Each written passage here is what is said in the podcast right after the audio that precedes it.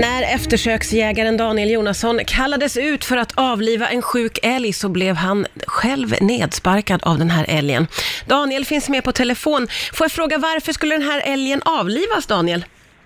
Ja, som sagt, eh, jag blev ju uppringd där av polisen och eh, de sa att det var lite ett brådskande ärende för det, det låg en älg mitt på vägen och mitt på en bro.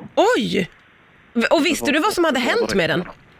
Nej, det visste inte de heller. Det var en lastbilschaufför som hade ringt in och, Ah. och meddelat att det klev upp en älg och la sig mitt på vägen, mitt på bron. Ja, okej. Och då skickades du dit. Vad, vad möttes du av när du kom till den här bron då?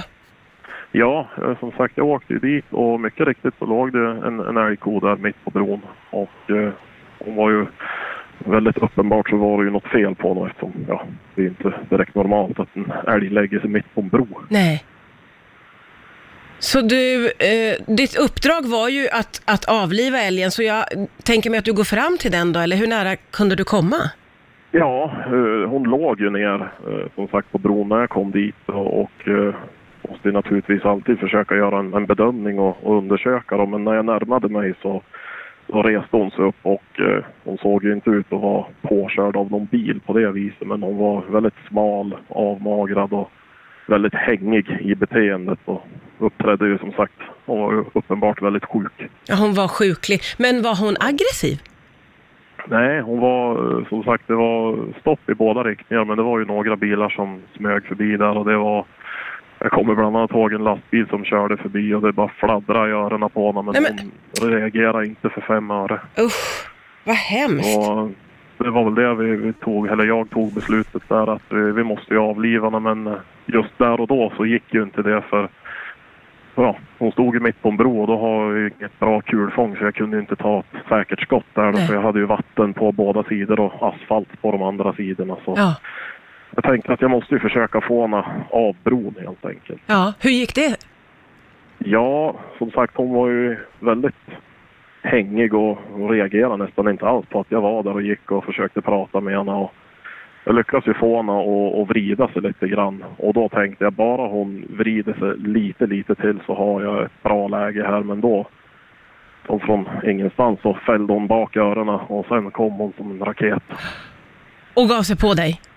Ja, och då tänkte jag nu jädrar anamma. Så det var ju till att börja springa baklänges. Men det är ju inte så lätt. Det är ju ingenting man gör varje dag. Nej, nej.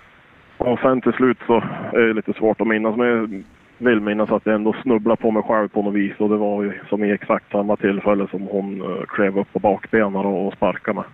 Åh herregud, var blev du Ja. träffad någonstans då? Ja, första klöven kom ju mot huvudet men då hann jag få upp eh, vänsterarmen och, och skydda mig då. Mm. Den smällen tog ju rätt i armbågen och andra klöven tog, snudda precis huvudet och ner i axeln då på höger sida. Men fruktansvärt, du måste ha blivit väldigt rädd. Ja, det, det blir man väl alltid kanske i sådana situationer. Nu får man väl adrenalinpåslag där Ja. så det var väl inget man tänkte på då men sen när hon väl hade sprungit över mig så att säga Ja. då, då, ja, då hade hon tagit sig av bron så då kunde jag avliva henne på ett bra sätt. Ja, ja, ja, jag förstår. Men gud, kommer du att känna nästa gång du kallas ut på ett sånt här uppdrag att du har lite dubier eller? Vad sa du? Kommer du att känna att eh, det kan kännas lite osäkert nästa gång du kallas ut på ett sånt här uppdrag? Nej, det, det är ingenting jag tänker på så. Jag har varit ute på flera uppdrag sedan dess. Men Ja, ja, ja. däremot så blir det någon liknande situation så kommer man att tänka sig för ja, en jag extra förstår gång. det.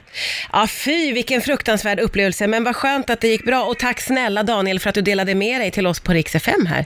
Ja, det var så lite så. Tack snälla.